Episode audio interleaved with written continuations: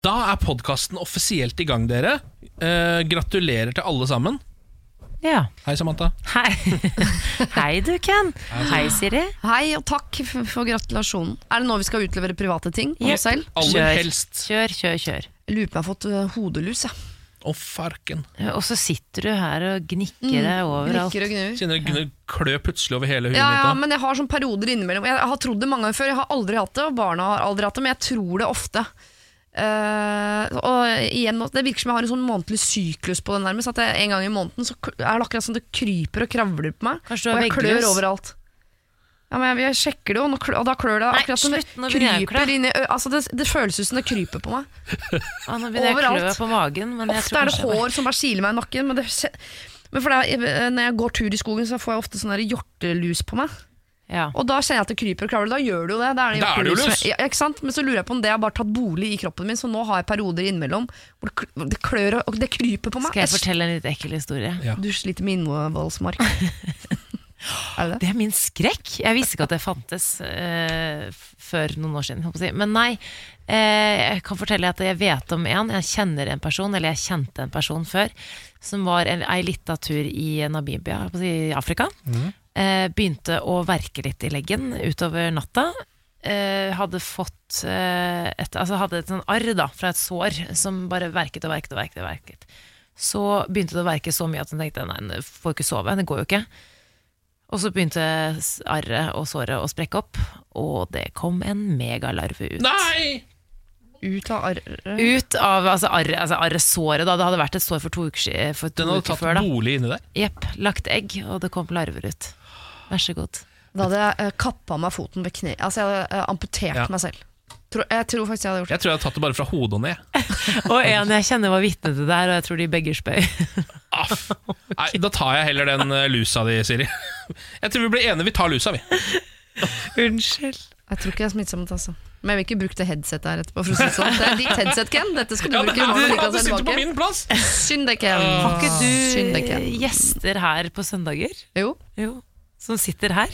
Ja, stemmer. Ja, Hyggelig for de. Hvem er det som skal få lov til å sitte der nå? Ja, det blir Kåre Magnus Berg det da, på søndag som får det. Ja, ja, ja, ja, ja. Ja. Sorry. Beklager, Kåre. Magnus, og hele din familie og alle du henger med. Nå Ja. blir det lus. Nå kommer Sorry. det. Kommer Sorry. Nei, men Skal vi takke for oss og bare sette i gang Ja. ja. podkasten, eller? Her er podkasten. Morgen på Radio 1. Onsdag morgen klokken seks. God morgen, Ken. God morgen, Niklas. God morgen, Samantha. God morgen. Hyggelig å se dere. I like måte. Hur morning, grabbar? Nei, men altså, Du vet jo hvilken dag det er. Ja, hvilken dag er det da? Det er lille lørdag. Ah, fy fader, i dag skjer det. Det er altså da eh, tjenestefolkets gamle fridag. Jeg, jeg, jeg, nå så jeg overrasket ut, men jeg vet jo dette. Dette vet du egentlig. Det vet jeg at du vet. Ja, fordi de hadde ikke fri i helgene, så de Nei. tok seg fri eh, på onsdager istedenfor. Mm. Da var det en liten lørdag inni, midt inn i uka der, da. Ja. Det stemmer det. Mm. Og om vi skal feire tjenestefolkets dag i dag? Å ja! Ja, det skal vi. Å ja, for vi er tjenestefolk. Vi er også tjenestefolk. Vi er jo eh, tjenestefolk til tjeneste for grunnfjellet, altså dere som er våkne allerede nå. Eh, dere som velger å stå opp likt med oss klokken seks og skru på Radio 1 og liksom slå følge. Dere anser vi som eh, såpass rå folk at vi har gitt dere eget kallenavn. Ja. Grunnfjellet. Eh, vi oppfordrer dere jo til å sende oss meldinger. Radio 1 til 2464 eller på vår Facebook-side radio1.no om vi har fått meldinger. Å ja da! Oh, ja vel. Lille lørdag, Samantha, hvilke planer har du på favorittdagen din? Hilsen Ingrid. Vet du hva jeg skal lage i dag? Hva skal du lage der? Jeg skal lage hjemmelagde burgere. Åh! På min lille lørdag. Hvordan, hva, hvordan gjør du patin? Eh, hvordan jeg lager den eh, kjøttdeigklumpen? Ja. Nei, så Vi tar jo egentlig bare kjøttdeig og moser den eh, litt sammen. Også, det er ikke det viktigste. Den er ikke så spenstig. Vi har ikke så mye krydder oppi der. Men jeg liker, det viktigste for meg er jo cheddar. Ja. Bare cheddarost og guacamole på burgeren. Ja, det er veldig godt. Men uh, fordi det å lage sånn burgerpatty, det er vanskeligere enn man skulle tro.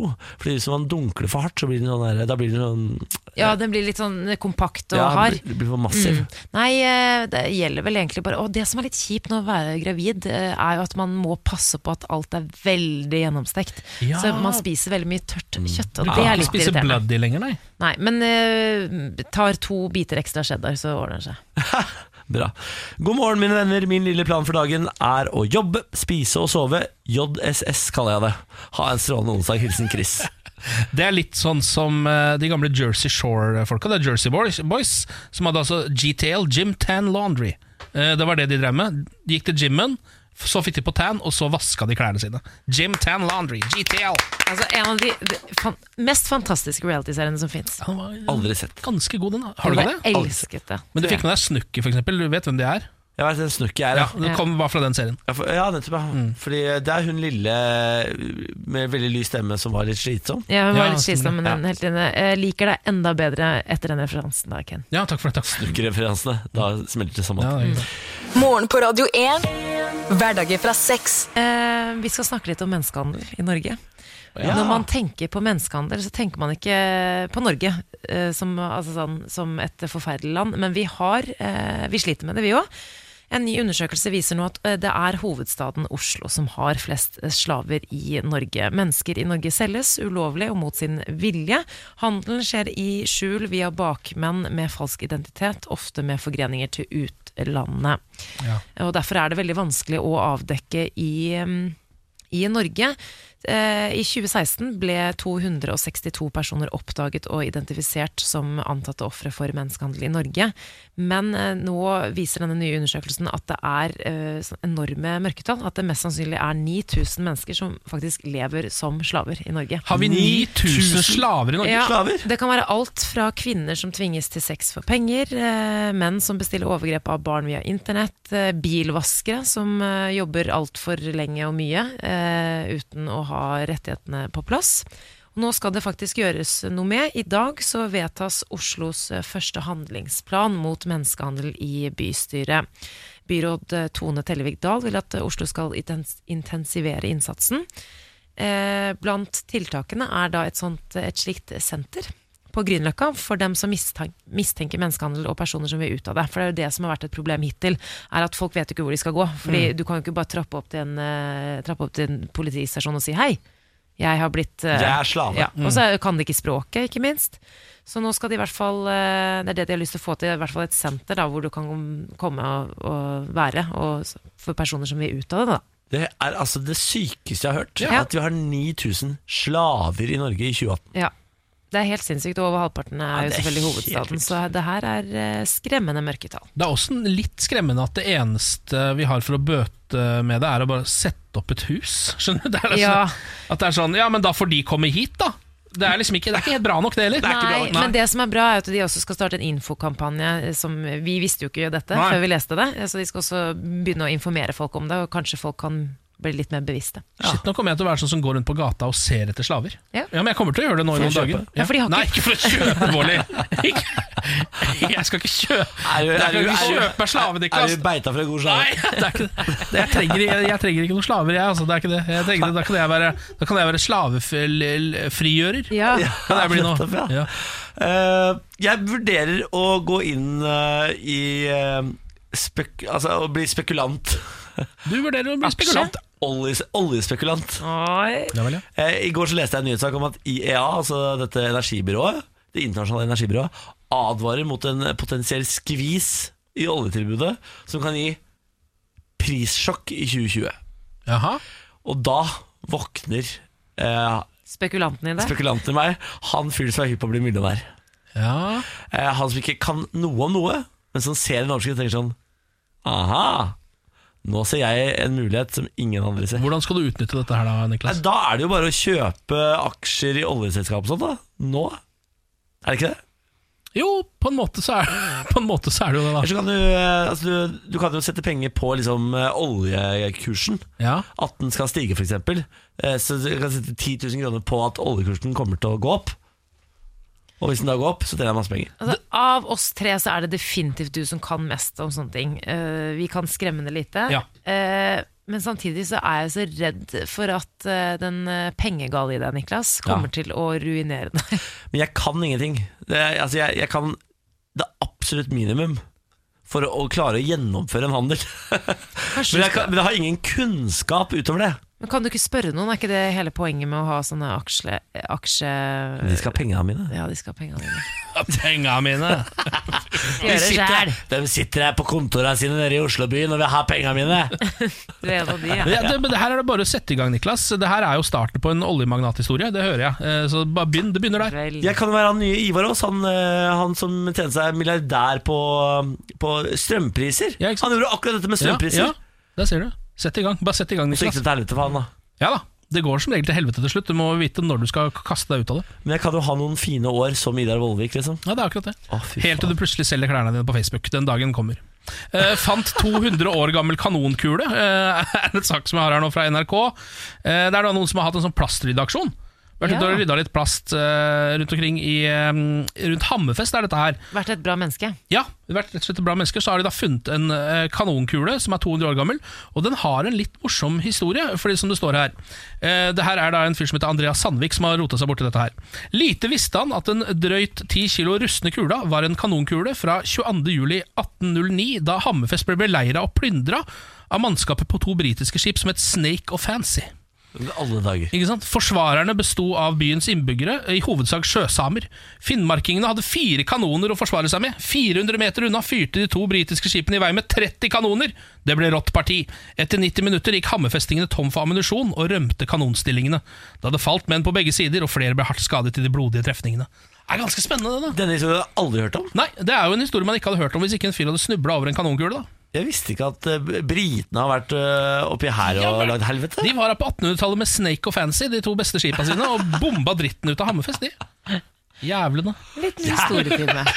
Fucking, Fucking eh, British! Fuck us. Ja, vi var jo borti der og rota masse bort hos de òg, da. Absolutt. Vi har våre svin på skogen, vi. Ja, men det er en stolt historie. Ja, det. ja, det, er jo, Det er en stolt det er jo vikinghistorien vår. Den er veldig veldig stolt. Vi voldtok og plyndra det som var. Det stemmer. Norge! Norge. Norge. Norge. Eller Nord-Vegard, som vi het på den tida. Nord-Vegard heter vi da. Kanskje. Heter det? Jeg tror det. Nord-Vegard? Jeg tror det. Ok. Veien nord, står det. Ja, ja, jeg skjønner. Jeg lærte det på, jeg, eh, jeg lærte det på brille. Å, du har sett på smart, det smarte programmet Briller på TV? Ja. Kjempesmart. er. Ja, jeg er kjempesvart. Dette er morgen på Radio 1. Nå, eh, en, noe jeg har funnet ut som jeg syns er eh, smått sjokkerende. Du vet jo at det, det dukker opp noen ganger sånn derre Du vet at du har skrelt appelsin feil vei hele livet og sånn. Ikke sant? Ja. Det kommer noen sånne saker. Isbitposen, Ja, isbitposen, hva var det med den igjen? ja, for det, det viser at du kan eh, dra i isbitposen, så løsner alle isbitene, så er det liksom løse isbiter inni. Sånne ting Ja. eh, dukker opp hele tiden. Eh, er det noen av dere som husker det eldgamle Nintendo-spillet Duck Hunt? Nei, men det høres kjent ut. Det er der hvor man hadde sånne eh, Et av de første spillene jeg spilte, i hvert fall som hadde sånne pistoler som fulgte med. Som Ja. man skjøt på skjermen, så skulle man Ja. eh, skyte ender. Ja, stemmer. Ja, eh, Dette var et spill som var veldig populært da jeg var liten. Eh, men det jeg ikke visste, som jeg fikk vite i går, da jeg satt og tok en eh, øl sammen med en kompis som begynte å snakke om Vi snakka litt om å spille, så sa han at visste du det, at Duck Hunt egentlig er et toplayerspill? Eh, og det er helt sånn Hæ? Fordi alle tok bare den pistolen, og så gikk de ganske nærme TV-en og bare skjøt igjen, og så var man ferdig med det. Ja. Men så viser det seg at egentlig så skal den andre parten man sitter sammen med, ta den vanlige Nintendo-kontrollen og styre endene. Hæ? Sånn at man ikke skal kunne skyte de så lett, for det var jo et drita lett spill. Ja, Så det er egentlig hele konseptet med spillet, at én skal være endene, og den andre skal prøve å jakte de. Så hele verden har spilt dette spillet feil? Feil! Alltid! Og dette her var jo liksom sånn Det var var på en måte det som introduserte veldig mange for hva spill i det hele tatt var. Ja. Hva det spillet her. Um, og Det syns jeg er utrolig rart, at man har altså spilt det feil nå i uh, 45 år. på en måte, nesten. Eh, Det er jo helt sprøtt. og nå uh, viser det seg at hvor, altså, hvor var denne informasjonen fra Nintendo da spillet kom? Hvorfor skjønner visste Ja, ikke og er det noen andre spill uh, hvor Ja. det har skjedd det, det samme? Det kan jo godt hende. Altså, vi har, Alt blir snudd på hodet. det er så masse vi har gjort feil i mange mange år, Ja. og nå begynner det å bli avslørt. Først nå. Eh, folk må ta seg sammen. Ja, Eller lese eh, Nei, Nintendo må ta seg Ja, sammen. eller Ja. kanskje folk Ja. skal begynne å lese bruksanvisning. eh, ja, for det er der det ligger, vet du. Det er Det jo står- ingen som leser om noe. Nei, det er noe med det. Eh, kan vi snakke litt om eh, det, det fregattskipet igjen? Ja, Ja, Helge. Helge Ingstad. Eh, altså, hele ulykken den har vi jo snakket nok om, føler jeg. Eh, men nå prøver de å berge det som er igjen av dette skipet. Vi kan jo fortelle hva som skjedde. da, i hvert fall Det Ja. var denne fregatten, krigsskipet, som krasja med et tankskip i Øygarden eh, i Hordaland. ja. under Trident Eh, Juncture-greiene. og de fikk, eh, ja, de var på vei hjem fra Trident Juncture i Trondheim. fikk flere advarsler, men krasja Kjørte rett i et tankskip. Ja. Ja. Eh, og så begynte det å synke. De fikk dytta det inn mot land. Eh, og så fikk de tatt noen vaiere rundt det, sånn at det skulle holde seg der. Sånn at de kunne redde dette fire milliarder kroner skipet, Som ikke er forsikret. som ikke er forsikra. Nå har vaierne røket i går. da I går røyk vaierne, og så Inge, Helge Ingstad under vann. Ja, det har rett og slett sunket til havets dyp. Det er ingenting ved dette fregattskipet som går som det skal.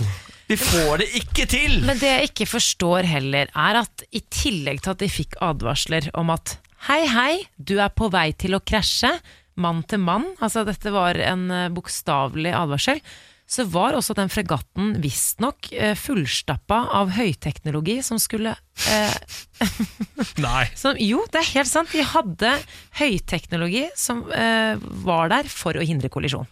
Ja, ja. Altså, Dette er derfor, det er derfor jeg har flyskrekk. Dette er jo noe av det mest moderne som finnes av teknologi som Norge har. Altså, vi har investert fire milliarder kroner for at dette skal være helt rått. Den var ikke forsikra, så nå må vi bruke penger fra eh, samme kasse til å fikse det her. Er det Ja. dette Altså- skattepengene mine går til? Det er jo et spørsmål man selvfølgelig kan stille nå. Eh, Jeg kjenner også at jeg stiller spørsmålet eh, hvor lenge varer vi hvis det skulle bli krig. Altså Vi synker våre egne skip. Eh, Vi klarer ikke å holde dem oppe på vei. Det altså, det- Ja, men skal ikke, altså Forsvarsstyrken vår, eh, det, norske forsvar, er vel bare laget for å holde tyskerne, nei, tyskerne, eh, russerne tilbake i ett til to døgn til, Ja. eh, til Nato kommer. Men la oss si at dette skipet da skulle stå for tolv av de timene. Så hadde vi jo allerede driti oss ut der, da. Ja, altså vi, altså, vi er ikke i stand til noe som helst, Ken. Nei. Vi kan bare legge ned Forsvaret. Det er ikke noe vits å ha forsvar når det er så ræva.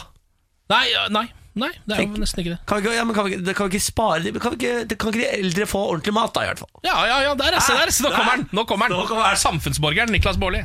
Niklas Baarli for ordfører 2020. Ja. Boom. Boom, boom. Det har, du- det har vi prøvd å, jeg holdt på å si vedta.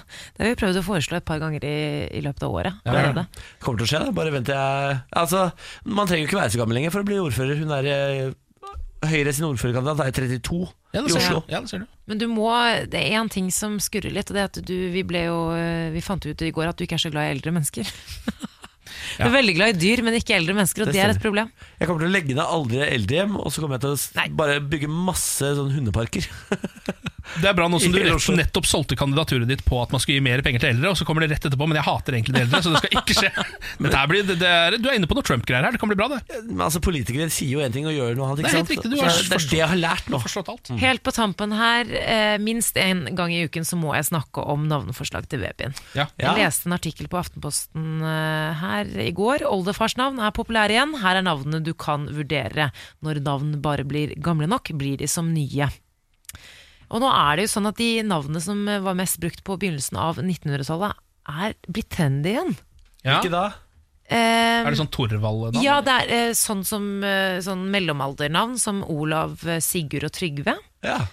Eh, så har vi da også sånn litt mer eh, Ja, jeg vet ikke Skal vi se fra bondelandet, kanskje? Ja. Kåre, Leif, Birger og Bjarne. ja.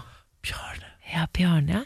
Og så har man også litt mer sjeldne navn som Oval, Åval, Jarran og Hilding. Jarran! Oval? Altså oval? Ja. Det er et rart navn! Oval! Da kan du like godt hete Oral, da. Da begynner det å bli ordentlig navn. Eh, men det jeg frykter nå, at jeg ser at disse navnene som jeg har eh, likt, det er så typisk at man tror at man er kjempespesiell. Så Ja. alle andre Ja, tenker ja, på det samme. Albert, Alfred, Georg, Edvard, Edvin. Det er sånn skikkelig i vinden for tiden. Ja, Men er Dante der? Nei, hvor kommer Dante fra? Jeg hørte det på bussen i USA. og tenkte sånn, Det skal barnet til Samantha hete. Dante. Oh, ja. Ok, men, men kan vi ende opp på noe annet nå? Nei. For vi har gått videre nå. Jeg- Jeg har ikke gått videre. Nei, jeg, men du må respektere Ja, da blir det oral, da. Oval. Ah, Ikke oral. oral eller Dante, tenker jeg. Der sitter den. Har du barnet ditt. Jeg skjønner ikke hvorfor du ikke har gitt det barnet navnet allerede. Du har fått så mange gode forslag her. Dette er morgen på Radio 1. Fem minutter over syv, og du hører på Morgen på Radio 1 med Samantha. Hei. Og med Siri, som har eh, kommet inn her nå fordi Niklas måtte litt av tur til Grenland og gjøre noe viktige greier. Ja, da står jeg klar, vet du. Det er veldig veldig ålreit. Jeg er litt trøtt i dag, det må jeg beklage, selv om jeg er her en time seinere enn dere. Kommer uh, kjørende i bil fra Gardermoen, og bodde der på hotell i natt. Jeg Ja. gjør det av og til. Ja. Eh, har sovet to timer i natt. Er det sånn at du har blitt venn med de som jobber der, siden du er så Nei, det er så mange hoteller. Og Å, jeg ja. er overhodet ikke venn med de som jobba på det hotellet jeg sov på i natt. Jeg er vel eh, mer enn eh, mer enn fiende. Men det er litt Tre hotellrom måtte jeg gå innom før det viste seg å være det hotellrommet jeg skulle sove på. Og det er et sånn uh, hotellrom som er veldig la eller hotell som er veldig langt, så jeg gikk først Ja. helt helt vest i Vestfløyen, låste meg inn på et rom, der bodde det noen. Tilbake til resepsjonen. Oi. Helt, helt øst i Østfløyen, låste meg inn på et rom, der bodde det noen. Tilbake i resepsjonen igjen for tredje gang, og nå er klokken eh, ett på natta, og jeg vet at jeg skal være her eh, klokken, før klokken syv. ja. Så nå er det fint om jeg kan få Og jeg prøver å være høflig så langt det går. Det er ikke min styrke, kanskje, men jeg prøver. Eh, fint om jeg kan få et rom nå hvor ikke det er andre mennesker på. Jeg skal på jobb om bare noen timer. Og da fikk jeg det, men så ble jeg liggende og se på skrekkserie på Netflix. Det er din egen feil. Haunting Hill House til klokken eh, kvart på fire i natt. Det er en ganske skummel serie. Ja, ja, ja, ja. Så jeg, jeg fikk jo ikke sove fordi jeg var redd, men også fordi det var så spennende at jeg vurderte å se hele. Eh, Og jeg håpet det var seks episoder, det var ti. Det klarte jeg ikke. Da Ja. jeg paia ut eh, Ja. klokka Har du sett den. Samantha? Ja, uh, The House on Hunting Hill, eller hva Ja, ja. Ja, jeg, jeg og Emil prøvde, men Emil ble redd. Ja, Nå, ikke sant? han Ja. er så søt. Han er Så det, det gikk ikke. Jeg får prøve å se den alene. Redd mann i trikot. Det det er er din te, Samantha. CNN saksøker eh, Trump. Nyhetskanalen CNN saksøker den amerikanske presidenten og flere av hans eh, medarbeidere. Eh, Hvor de ber om at eh, reporter Jim Acosta, som er eh, Hvitehus-korrespondent for CNN, at han får umiddelbar tilgang til Det hvite hus igjen. Acosta ble onsdag forrige uke skjelt ut av Trump etter å ha stilt et kritisk spørsmål om innvandring. Hør på det her. I'll tell you what, CNN should be ashamed of itself having you working for them. You are a rude, terrible person. You shouldn't be working for CNN. Ja, og så ble det masse rabalder. Det var en eh, praktikant ved Det hvite hus som forsøkte å ta mikrofonen vekk fra Acosta og gi det videre til en annen journalist. Acosta prøvde da å på en måte fullføre setningene, og eh, Det hvite hus beskylder han da for å ha tatt på den unge kvinnen. Og det er derfor han mistet akkrediteringen. Men det her eh, vil jo ikke CNN ha noe av. De mener jo at det er eh, tull, selvfølgelig. Så nå har de faktisk valgt å eh, saksøke Trump.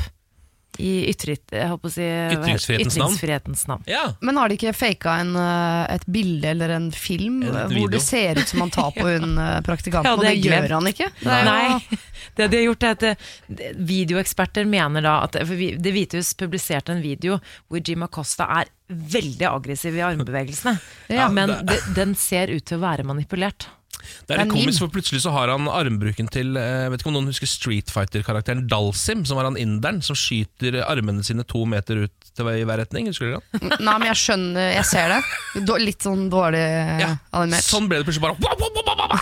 Han var helt ninja med armene der. Var all over the girl. Ja, men uh, uansett, og vi trodde jo først at det var uh, metoo-opplegg, Ja. da vi hørte altså, hvordan De Vitus framstilte Ja. årsaken, at han hadde tatt på en ung kvinne. Mm. Høres jo ikke så veldig bra ut, Nei. men det var jo selvfølgelig bare det at han eh, ja, kanskje forsøkte å stoppe henne fra å ta mikrofonen, da. Ja, ja, Men i var liksom kampen om en mikrofon så må det være lov til å komme borti folk, både av samme og motsatt kjønn. Hvis ikke så Ja. kan vi glemme karaoke, vi kan glemme stein, vi kan glemme alle yrker. Hvis ikke er det sånn at du kan Hvertfall- dulte borti en og annen på vei mot mikrofonen. I hvert fall når du er på karaoke. Ja, da må jeg eh, eh, bytte fritidssysler, rett og slett.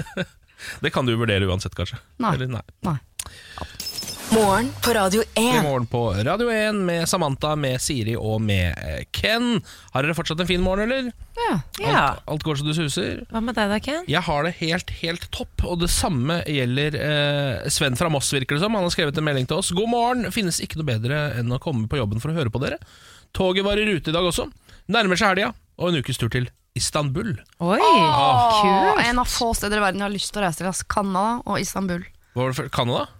Bare sånn Canada generelt? Ja, generelt. Ja. Eh, Canada og Istanbul, det er et godt utvalg, det. God tur til Istanbul, Sven. Det tror jeg kan bli strålende eksotikk. eksotikk. Eh, snart blir kilogrammet pensjonist, kan vi nå lese på nrk.no. Eh, her står det siden 18, eh, em, 1889 har et kilorodd i Paris vært referanse for hele verden for hvor stor én kilo er. Men nå kan det snart være slutt. Fordi Denne uka så samles da forskere fra 60 land for å ta stilling til om kilorådet fortsatt skal være dette kilorådet. Ja. Eh, det står det at eh, det er generalforsamlingen for mål og vekt som etter da alt å dømme vil vedta at dette loddet ikke lenger skal brukes som mal for hva som er en kilo. Ehm, den, eh, den nåværende kiloen står da under to glassklokker bak løst, låste dører i Det internasjonale byrået for mål og vekt i Paris. Det er liksom prototypen for en kilo. Ja, ja. Um, Skal det erstattes med noe, eller skal bare kvitte seg med det for vi trenger det ikke lenger? Eller? Nei, det er det jeg syns er litt sånn spesielt. Fordi de, de, Jeg tror det Poenget er at de mener at det nå ikke kan være det offisielle kiloloddet lenger. Nei. Så de skal bare finne et nytt, et nytt prototype, da. Vil jeg tro. Uh, og det her er jo altså Jeg bare syns det er litt sånn spesielt hvor hellig sånne prototyper er. Fordi sånn som mm. denne prototypen på kiloloddet som står i Paris, må da tre personer med hver sin nøkkel Må da møtes for å åpne opp og ta ut dette ene kiloloddet. Jeg får en Illuminati-stemning. av Ja. Også Illuminati eller kronjuveler-stemning av det. Liksom. ja. Uh, og I Norge står det her så er det da Justervesenet som har ansvar for måleenheter. Eh, og Det står på Kjeller i Akershus. Der står vårt kilolodd. Og Det har da blitt sendt til Paris og sammenligna med de uh, opptil flere ganger så sent som i 2011. Så sendte vi da vår kilo i posten over for å sjekke er den omtrent det samme som Paris sin. Det var den. Fikk den tilbake igjen. Dere kan fortsette å bruke denne kiloen. Det bør jo ikke være omtrent. Jeg mener at Der skal det være rimelig på merket. Hvis det først er satt som en sånn standardklump for eh, resten av samfunnet. Jeg tror også Ja, det står her på dette nivået så kan sammenligning Altså ett støvkorn kan føre til at du får feil. Ja, Om å bytte ut hele kiloloddet ditt. bra. Så der er de ganske strenge. Der er det strenge. Ja. Likte standardklump. Det, likte, det ordet likte jeg Ja, veldig godt. Ja. Kom på Nytt på Nytt på fredag. Likestillingsministeren dropper abortdiskusjonen. Hele tolv stortingspolitikere krever svar fra Erna Solberg under Stortingets spørretime i dag. Det er jo onsdag, lille lørdag, da er det jo fest på Stortinget. Eh, Dette er da i forbindelse med at statsministeren åpnet for å forhandle med KrF om abortloven, og fjerne da en paragraf som kan ramme kvinners rettigheter. Og dette har da blitt møtt med kritikk eh, både innad i partiet, men også fra andre partier, og generelt Eh, Kvinner som mener at deres rettigheter svekkes. Nå er det mange som reagerer på at barne- og likestillingsminister Linda Hofstad Helleland ikke vil uttale seg ordentlig om abortdiskusjonen. Hun er tross alt ambassadør for en organisasjon som heter She Decides, eh, som da kjemper for kvinners rett til abort verden rundt. Eh, Hun eh, skulle vel egentlig ha vært til stede på spørretimen og svart på disse spørsmålene, men nå sender hun Bent Høie, som da er helseminister. Ja. Som er greit nok. Fordi Har hun gyldig fravær, eller, er det bare, eller innrømmer hun at jeg, jeg, jeg har ikke lyst til å svare på et spørsmål, for det kommer jeg ikke til å komme godt ut av. Ja, det, det mener jo jeg, da, Ja. indirekte. Eh, men hun, hun er på, i Aserbajdsjan, på et oppdrag der, i forbindelse med Verdens antidopingbyrå. Men dette er jo ikke eh, et verv hun har i kraft av sin eh, statsrådsposisjon. Nei. Altså, jeg vil jo si at abort uh, Det er viktigere Det er litt viktigere. Og hun, eh, VG stilte jo henne spørsmål om det. At, eh, hvor, har, er ikke det her på en en del av fagområdet til likestillingsministeren, med tanke på at det her kan gå utover kvinners rettigheter? Og da sier hun bare at eh, jo, selvfølgelig altså hun, hun, hun svarer veldig utydelig. Jo, jeg har ansvar for det. Men Bent Høie svarer på spørsmålene. Altså litt sånn. Ja. Og det er Det irriterer meg. Altså, jeg har egentlig ikke noen sånn veldig sterke mening i denne saken her, men det irriterer meg når ministre ikke stiller opp og gjør jobben sin. Ja. Fordi de er feige.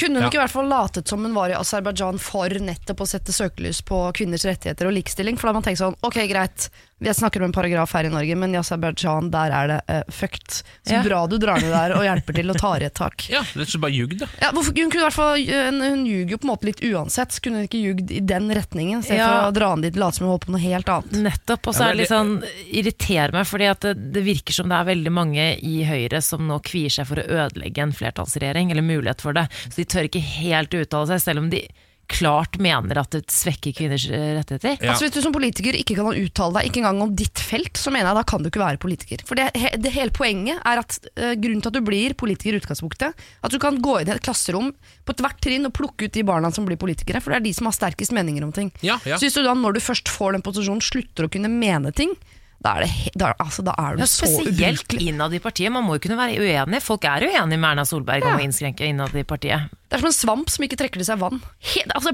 Ja. bare å hive. Takk, nå fikk jeg si ja, med meg på ja. laget på slutten. Det var deilig. Ja, det er Irriterende. Helt enig. Altså, hvis, man, fall, hvis man ikke klarer å mene så det eneste vi på en måte krever, er en decent løgn.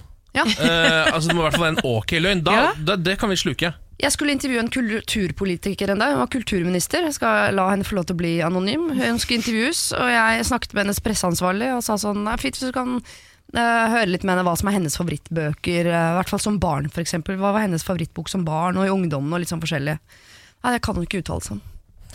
Nei vel, du er kulturminister, men du tør ikke å si høyt hvilken bok du liker! Det er ikke en uttalelse engang. Altså, Fordi hva da? Jeg tror folk skal gå i demo mot sånn ja, Gummitasjen, ja. Bu, dårlig hva- altså, Ja, du er et dårlig menneske. du må gå av! gå av, gå av. Morgen på Radio 1. Hverdager fra seks. Samantha Skogran er på plass. God morgen. På en lille lørdag. På en Må bare påpeke. Hei. Og Siri Kristiansen er på plass. God morgen. God morgen. Um, det er fordi Niklas eh, Baarli tok seg en eh, brå tur til Grenland. Så han uh, er ikke her nå. Han er kommer tilbake i morgen. Grenland forbinder jeg bare med sånn politidistrikt. Grenland politikammer. Ja. Jeg vet ikke hvorfor, er det Orderud Er det Grenland, eller? Ja, det kan det fort være. Sorry for at geografien Du ser sitter på Orderud-saken. eh, Ja, men det er, det er nærmere enn så, er det ikke det? Jeg tror ikke det er, er det Grenland? Nei. ah, Sikkert ikke. Det er ikke Grenland bare, bare føles det ofte snakkes om eh, det distriktet der. Politidistriktet Grenland. Ja. Det, er mye, det er ganske mye fokus på det i Grenland politidistrikt. Det tror jeg de er både glad for og litt sure for i Ja. Grenlandsområdet. Det er ikke Eh, derfor Bårli er der. Nei, det er ikke, nei, du må bare understreke. Det er ikke, han har ikke gjort noe kriminelt og måtte bare dra til Grenland for å snakke med politiet der. Det er ikke det som har skjedd. Han kommer tilbake i morgen iallfall. Um, og Siri, det, altså det, det her er jo ikke heltidsjobben din å sitte her og plapper på morgenen. Nei. Eh, Det du vanligvis gjør, er jo å ha program på søndager. På søndager klokka to eh, på denne kanalen så sitter jeg jo da og prøver å hjelpe folk med å hjelpe andre folk. Altså Jeg henter inn to kjendiser for å hjelpe eh, lytterne med ting eh, de sliter med i livene sine. Ja. Eh, og bunken eh, det blir jo bare større og større, så jeg er nesten litt sånn jeg tar fra toppen hver eneste bunk og prøver å liksom måke unna, gjøre dugnadsarbeid på det mentale plan. Eh, og så flyter det over, og litt av det lar jeg bare renne ned på dere av og til. Ja. Mm. Og I dag har jeg tatt med meg et problem fra en som eh, vil at vi skal kalle han for Frank. Da gjør vi det. Eh, og det, ja, det respekterer vi. Hei, Frank. Han skriver 'hello'. Jeg er en gutt på 23 som er sammen med verdens beste jente. Vi snakker om fremtiden, vi snakker om giftermål, vi snakker om barn. Ja, det er nok henne. Jeg har møtt foreldrene hennes flere ganger, og de er veldig hyggelige begge to, spesielt pappaen. Jeg bonder eh, mest med han. Han er en veldig snill og rolig mann, han minner meg litt om meg selv noen ganger. Så var det moren, da. Hun er ganske manipulerende, og jeg ser hvordan hun underkuer sin mann. Jeg ser at min kjæreste har en del trekk fra sin mor, og det er ikke et problem nå, det er faktisk ganske sjarmerende, egentlig. Men er dette fremtiden? Blir hun manipulerende, og blir jeg underkuet? Hvordan kan jeg i så fall forhindre det? spør Oi. Frank. Eh, For å svare på det første spørsmålet, ja det blir sånn. Det er fremtiden. Nei, er det Det det? var det første jeg også tenkte. Fordi eh, jeg har, bare for å trekke paralleller til mitt eget liv, så er det jo sånn at man i, på et eller annet tidspunkt innser at man har veldig mange av de samme trekkene som sin egen mor. Ja. Så det- det Eller er som sin egen far, som jeg Eller har som sin egen far. Eh, så det, kan, det er kanskje bare å akseptere det først, og så må vi finne en plan for Frank her nå. Ja, det, man ja. vel ente, eller man kan ligne på begge, men man går vel i en eller annen retning. Og hvis Frank allerede nå ser at dama eh, går i retning av sin mor, at hun ikke går i retning av å bli en underkudd, snill mann, så eh, ser han jo litt inn i glasskula. Da. Men, men det, det her avhenger også litt av om hun har selvinnsikt eller ikke. For jeg vet jo hvilke trekk jeg har fra mor. Ja. Eh, og jeg er veldig klar over det. Eh, både positive og negative. Hvis hun er med på det, så kan det kanskje være en idé å begynne å snakke om det nå, sånn at ikke sånne vaner setter seg. ja, Sånn, Og så er det ikke sikkert at det automatisk skjer heller, for jeg, jeg har inntrykk av at sånne ting kan være eh, Altså at det ene eh, på en måte påvirker det andre. Ja. At hvis denne mannen, eh, som eh, Altså din, hennes far, da, Mm. er litt sånn eh, Litt sånn fyr som la, lett lar seg kue. Ja. Altså Han er litt på en måte eh, den ikke-dominante i BDSM-forholdet, på en måte. så, er den, så blir den andre litt mer dominant. Ja. ja, og så, Tror jeg da. og så foretrekker man jo helst det i en sånn type Ja, setting. Ja, men, Men at han det er liksom noe de to har funnet på en måte den formen, og den følger de bare. den f- formelen. Det er ikke sikkert at det nødvendigvis blir sånn med dere to. Nei, men, Eller det, men jeg ville ikke bare Ikke tatt sjansen, satt- Nei, jeg ville ikke tatt sjansen på det. Og Frank sier jo at han er veldig lik svigerfaren sin. Ja, det, Han gjør jo faktisk det. Det er sant, det, det sier han jo rett ut. Men eh, dette sier man ofte at det er vanskelig å forandre folk. Så det er liksom begrensa hvor mye man forandrer kjæresten sin. Det som er lettere for Frank å gjøre noe med, er å forandre seg. Altså på en måte sørge for at Jeg kan ikke styre hvem du blir, men jeg kan jo styre hvem jeg blir. Så hvis han bestemmer seg for å ikke bli un underkuet, så blir man jo ikke det. Men er det ikke slitsomt å måtte endre på sin egen personlighet hele tiden? Og bli sånn strenge-Per når du egentlig ikke er streng? Altså At han må stå litt mer opp mot han og Det kan han ha litt Det er litt godt av det, da. ja, kanskje det. Men hvis han syns det er slitsomt å stå opp mot kona si, så burde han jo bare glede seg til å bli underku. da, For da kan han jo bare sitte og ta imot ordre i en skinnsofa resten av livet. Høres jo helt sweet ut, spør du meg. Jo, men jeg tror det er på en måte det han skriver, at det kommer til å skje. Eh, Ja. og, og det skammer jeg meg litt over allerede. Jeg tror på en måte det er det som ligger mellom linjene her. Ja. Ja. Men det at det ikke kommer til å skje, det tror jeg fordi folk blir særere og særere med alderen. Jeg tror Ja. De der små eh, på en måte særpregene som du har, de blir sterkere med alderen. Men er det lov å si sånn allerede når du sier at vi kan snakke om det allerede nå? Det er en ting som er vanskelig å snakke om uten å si sånn Du, mora di er jo hyggelig, men hun er litt ute. Og da har man plutselig baksnakket moren til kjæresten sin. Men kan man gjøre det mer humoristisk og si sånn Nå er det mora di, ass!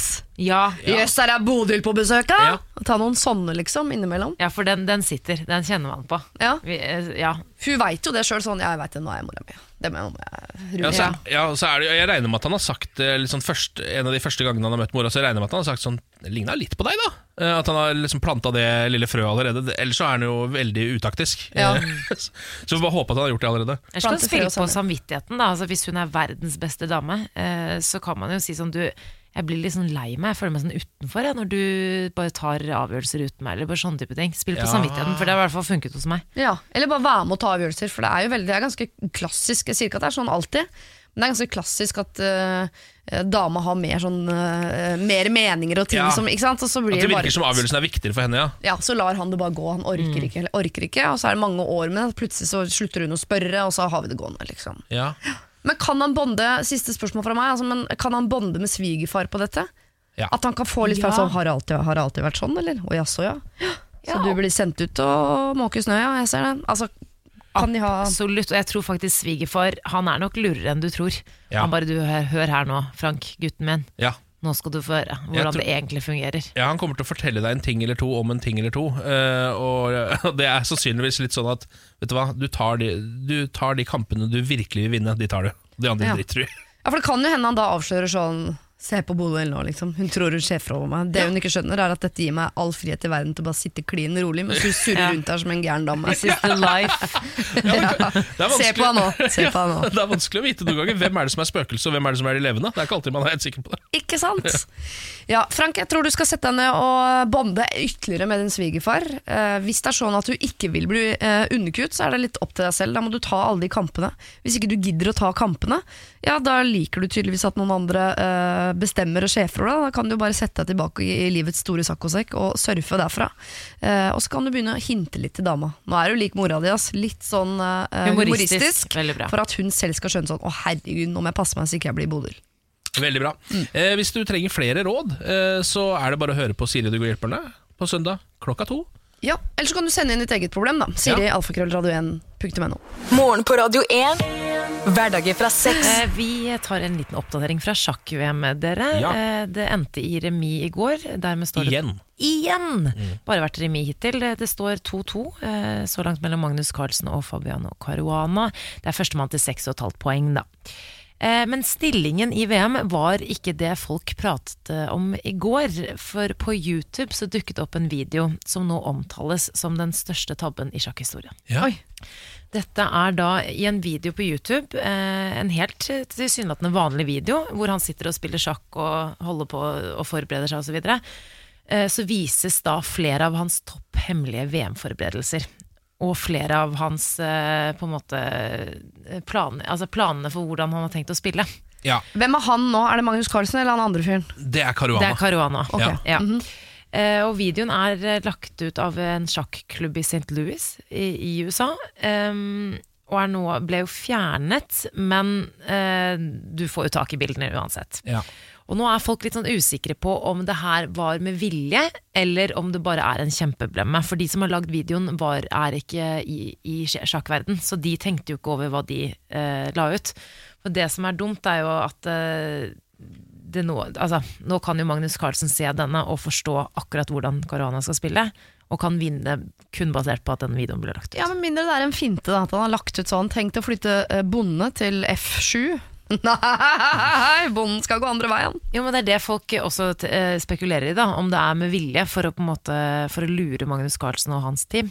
Ja. Men eh, Det må være lov. de sier at, det er for dumt. Det er for eh, Altså at det er en kjempeproblem, rett og slett. Men hvordan har det blitt avslørt? Hadde han skrevet det ned på en lapp? Sto det sånn Nei, jeg, tror, altså, jeg har bare sett noen bilder fra videoen. Du, du ser dataskjermen og noen bøker, og du ser innholdet. Ja. Og vanligvis Ja. er jo sånt sl- sladda. Du ser på en måte strategien hans. Ja, ja. Eh, altså, alle hans hemmeligste triks uh, blir plutselig avslørt. da ja. Um, men det er jo det de spekulerer i, om det kan være en finte, eller om han har dritt seg ut. Uh, og det er vel uh, I sjakkmiljøet så virker det som det er De fleste i hvert fall tenker at dette kan ikke være en finte. Ja. De, ja, fordi de mener at det blir for utspekulert, og sånn er ikke sjakkfolk, eller et eller annet. Nei, og du så Caruana på pressekonferansen i går. Jeg syns så synd på han, fordi han satt der og bare ja, Han ville ikke kommentere, ville ikke si noe. Og Magnus Carlsen bare eh, gliser bredt og sier 'jeg skal i hvert fall se, se den videoen', og alle bryter ut i latter, og Caruana sitter der som pottesur. Kanskje ikke noe fint, da. Nei. Jeg tror ikke dere vil høre hva jeg mener om sjakk, for jeg kan ikke hisse på meg en hel eh, befolkning. Så jeg skal vente til denne konkurransen er over, før jeg kommer med mine meninger om uh, sjakk. Om, generelt om sjakk. Eh, Generelt om sjakksporten, ja. Mm. Jeg vil heller snakke om uh, Nobels uh, altså fredskonserten, som hvert eneste år den 10. desember så er det jo vanligvis da en storslått Nobelkonsert, hvor vi får inn altså store altså Toppkjendisene fra verden kommer inn og leder denne konserten. eh, masse internasjonale artister, men i år så eh, sa Nobelinstituttet at det blir, det blir ikke noe det blir ikke noe konsert Nei. i år. Og da kommer jo denne finansmannen Arthur Buchardt inn på banen og sier sånn Det blir for dumt! Vi skal ha konsert, vi skal feire. Og det setter jeg veldig veldig pris på. For vi må, eh, altså, vi må aldri slutte å være stolte over at vi får lov til å dele ut Nobels fredspris. At svenskene har gitt oss den æren det er å få lov til å dele ut en av de viktigste prisene i verden. Nei, vi må i hvert fall ikke slutte å bruke muligheten til å få store artister hit pga. det. Ja, Det har vi på en måte slutta med nå, da. Fordi selv om Buchardt eh, eh, går inn og sier sånn Jeg uh, spytter inn penger fra egen lomme, jeg arrangerer 10.12. en folkefest. Og det fine er at han har flyttet det ut av konsertlokalet og ut til folket. Skal foregå på, uh, foran rådhuset i Oslo, og det skal være gratis. Det skal være direkte overført, men det er ikke noen billetter alle kan komme og se.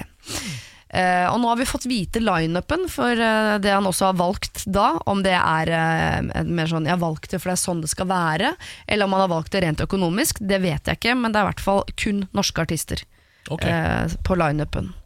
Det er Eva Weel Skram skal spille, er jo venn av programmet. Eh, Kurt Nilsen, fremtidig venn av programmet. Eh, Kristel Alsås, en av mine favoritt-norske artister gjennom tidene. Den stemmen har jeg altså lyst til å altså Hvis jeg hadde vært en blekksprut, så hadde jeg stjålet den stemmen, og i til gjengjeld skulle hun fått ben. Må ha sett eh, Lille havfruen for å forstå det. Eh, Matoma kommer, Freddy Kalas kommer, eh, Ella Marie, altså hun som vant eh, Stjernekamp, og DDE. For en lineup! Ja, og programmet skal ledes av Kåre Magnus Berg og Silje Nordnes. Ja. Altså, det blir Men jeg bare håper at de klarer å skape samme stemning som Michael Fshan gjorde i 2009, tror jeg det var, på den Nobelkonserten. Jeg og mamma satt og lo og gråt samtidig da han fikk de hviteste Ja. menneskene i hele verden til å lage sånn yo-hender Ja, Ja. Mette-Marit var yo, og ja. Mm. Where's the crown princess at? Ja. Og så står uh, Mette-Marit og kronprinsen og yoer. Og det er det, det kleineste og det beste jeg har sett. Jeg er enig, det Arrangementet er så vidt at der burde de alltid ha eh, en artist med, med litt kulør, mener jeg, da som kunne, for, kan stå der. Fordi da blir det altså eh, et skue av de sjeldne. Var det Wycliffe Shaun som gjorde det greiene Ja, der? ja, ja, helt fantastisk. Jeg ville Kan dratt det med hende- 50 Cent i år. Jeg har bare Og med gønner, Ja, ja. ja, Han har alltid Ja. masse gønnelyder Ja. på konsertene sine. Du spiller for mye. Det kan, det folkens, det. bare si det kan hende at dere får et uh, slags gjensyn med akkurat den opplevelsen der uh, på Senkveld i helgen, for da skal jeg være gjest der, sammen med Wyclef Jean. Nei, det er Og, uh. Hva sa du at du skal være gjest sammen med Wyclef Jean? Ja, og eh, Hvis han får meg til å eh, snakke engelsk eller prøve å synge eller danse, eller gjøre sånn, noe som helst, så kommer dere til å se min indre Thor Heyerdahl. Eh, jeg kommer til å bli så hvit on, at, Siri. eh, at, det kommer- at Mette-Marit kommer til å fremstå som uh, Whoopi Goldberg i forhold til meg. Beyoncé. Ok, Lykke til, lykke til. Kristus, det det. Dette kunne vi snakka lenge om, kjenner jeg. Ja. Men jeg må, vi må ta litt lokalstoff også. Ja. Følger jo Hadeland eh, denne uka, som er eh, en avis eh, fra Hadeland. da Altså eh, Gran, Lunder og Jevnaker, de kommunene i Oppland. Nå kan vi ta en uh, sak som jeg syns er en veldig god overskrift. 'Slåsskamp på tribunen satte ingen demper på nattcupen'. En gladsak, dette her. To publikummere endte i slåsskamp under nattcupen på Hadeland eh, videregående skole, men politiet var til stede i hallen og fikk fjernet kamphanene. Og så står det da at det var ikke så mye fokus på det. Bjerke 1 slo Valdres 1 3-2 i den beste gutteklassen. Ja, men gratulerer. Ja, ikke sant? Slåsskampen starta på tribunen, ble raskt stansa siden politiet var i nærheten. Foreligger ingen anmeldelse, og de syns ikke det var noe stress i det hele tatt. Med unntak av denne hendelsen var det ingen uheldige episoder, står det. Var det fedre fra hvert sitt eh, lag som slåss om eh, resultatene, tror du? Det syns jeg er gøy. Sånn, ja. Jeg håper det var det, det står ikke noe om det. du så vel at Lucas var i altså, Ja. altså, Bare sånne små barn som spiller, to sinte fedre på tribunen. Og har, dere, Kjempegøy. har dere sett den fantastiske Vi så jo på den Ja. her dagen, Samantha. Det er en fantastisk video som foreligger ute på sosiale medier nå, eh, hvor det er en far som er på fotballkamp med sin sønn. Type, du har sett den, ja? Han som dytter ungen foran Ja, ballen. Ja. Sønn type 4-5-6 år gammel. Klarer så vidt å gå. Han er keeper. Ballen ruller mot han, han står og snakker med faren sin, for han følger ikke helt med. Så faren bare dytter han, eh, så han redder eh, ballen. Ja, er smått. Jeg, er, altså, jeg klarer ikke å slutte å se på det. Jeg, vil bare, jeg vet at ikke du har barn, men uh, kan så vidt gå fire, fem, seks år gammel. Det henger ikke på greip. Man lærer å gå når man er ca. ett år. Cirka ett år. Ja, men Den ungen kan så vidt gå, og den er da i hvert fall 4-5-6 Ja, men jeg tror han er tre-tre-aktig. tror Ja, han er tre, da. Ja. Mm. Da er vi enige. Morgen på Radio 1. Lars Bærums morgenkviss. Ja, og Reglene er jo egentlig tre spørsmål, alle skal besvares, og så får dere alle svarene helt til slutt. Jeg sa at jeg skal ha en temakviss, det skal jeg ha, men før det så må jeg jo ha quizlagnavn. Det blir ikke quiz uten quizlagnavn. Jeg har en litt sånn Donald Duck-schwung over den. Ja. Vil du høre? Ja. Spenn Canelius Wilson. Det er et ordspill på mitt navn, er det Ja, ikke det det? tok lang tid før jeg skjønte det jeg skjønte ordspill ikke på det tatt. Ken Vasenus Nilsen. Ja. Ikke Ja. Spenn Kanelius. Spenn Canelius Wilson. ja, men det hadde du Hvis du en eller annen gang kommer i norske Donald, så hadde det vært et sånt navn. Det er helt riktig. Ja, Eh, Jeg syns den var god, jeg. For at du har blitt rik, eller noe sånt. Ja, ja, ja. Spenn, ja veldig fint. Synes På kanel. På kanel. Blitt rik på kanel. Ja. Ja, veldig bra. Eh, tema for denne quizen er Tyskland. Oi. Deutschland. Oi da. Oh. Ja. Så da starter vi enkelt og greit med spørsmål nummer én. Mm. Dette bør vi greie. Hva er hovedstaden i Tyskland? Er det sant? Er det sant? Mm. Berlin. Berlin? Altså, ikke se dumt på sånn. Altså, Ikke si at det er så- Frankfurt, det er jo Berlin. man blir så usikker når man får såpass på en måte, det. enkle spørsmål. Så tenker man Jeg liker ikke det. Mindfuck. Ja, det er jo Nei, det Berlin. er jo Berlin, fordi Hvis det er noe annet enn Berlin, så ja. Så må vi var si opp. under Vest-Tyskland så var det Bonn, var det ikke det? ja. Men jeg er ganske sikker på at det er Kan Berlin. vi kan ikke bare svare Berlin. Jeg syns vi bare sier Berlin og holder kjeft, jeg. Jeg tror ingen andre ville svart noe annet enn Berlin. Det fins ikke mennesker som ville svart noe annet enn Berlin på det spørsmålet. Det tror jeg, men uh, dere svarer Berlin. jeg ser, ja, vi, vi driver jo og ser på disse reality-seriene Ja, med Ex on the Beach og alt det greiene. Ja, ja, ja. Jeg, jeg har en par der kandidater som hadde svart noe annet enn Berlin.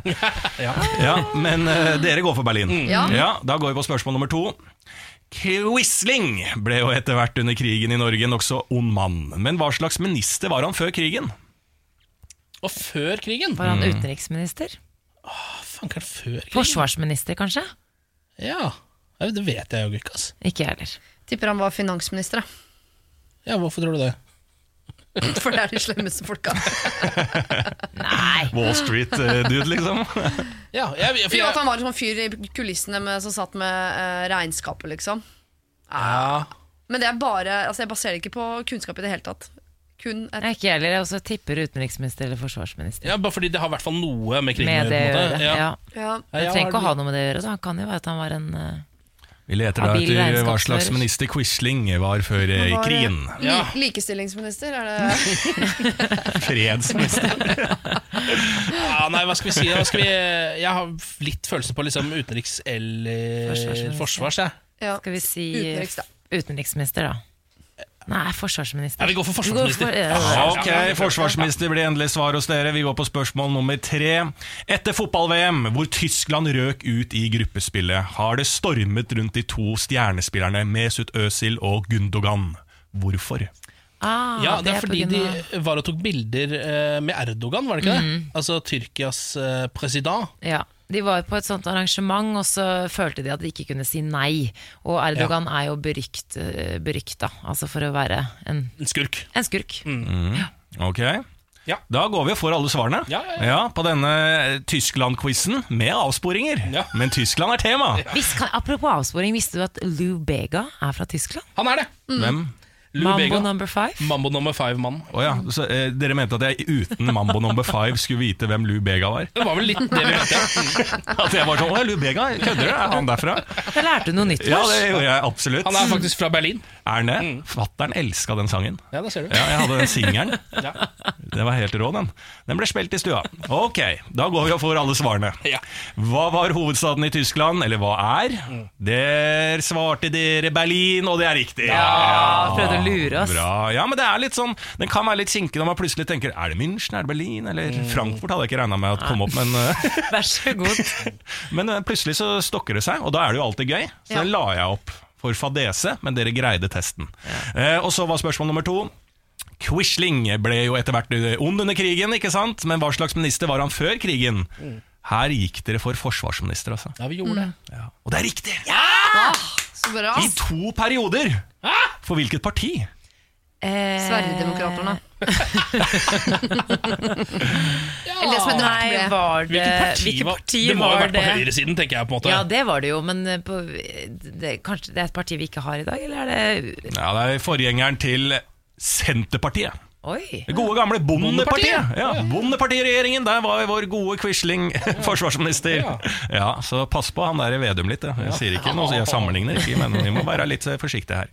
Ok, Spørsmål nummer tre. Etter fotball-VM, hvor Tyskland røk ut i gruppespillet, har det stormet rundt de to stjernespillerne Mesut Özil og Gundogan. Hvorfor? Jo, fordi de tok et bilde med Tyrkias president Recep Erdogan. Ja, Og det skapte fullstendig debatt, for det er jo mye tyrkere i Tyskland, og den eh, debatten her ligger jo tett på folket.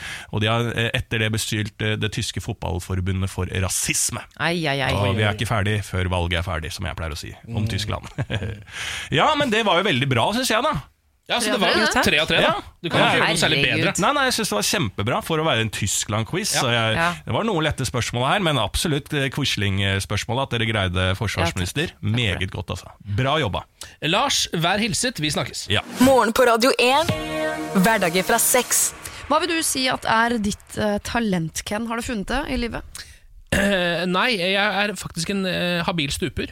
Ja. Eh, fra ikke veldig Fra altså korte avstander, ikke så veldig Det så jeg i sommer. Ja. Vi hadde sendinger fra kaia si, her i Oslo. Ja, Og så har jeg en god frisparkfot, men jeg er ikke så god på alt det andre innen fotball lenger. Nei. Nei. Hva med deg, Samantha? Har du noe talent? Mm, ja, jeg kan spille uh, trommer.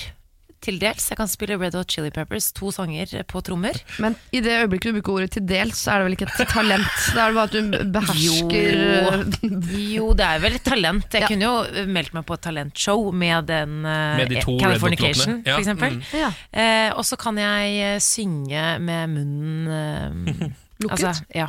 Det må du nesten Sånn at det gjøre. høres ut som en liten mann inni munnen din som synger. ja. Men det er bare én sang, det også. Hvilken da? Det er den der Old MacDonald had a farm. Du Hva må, heter den det, på du må nesten prøve det litt grann nå, tror jeg. Bare litt grann. ja, ok, Men da må dere synge Old MacDonald had a farm først. så skal jeg si. For du skal bare si E-I-E-O. Old MacDonald had a farm.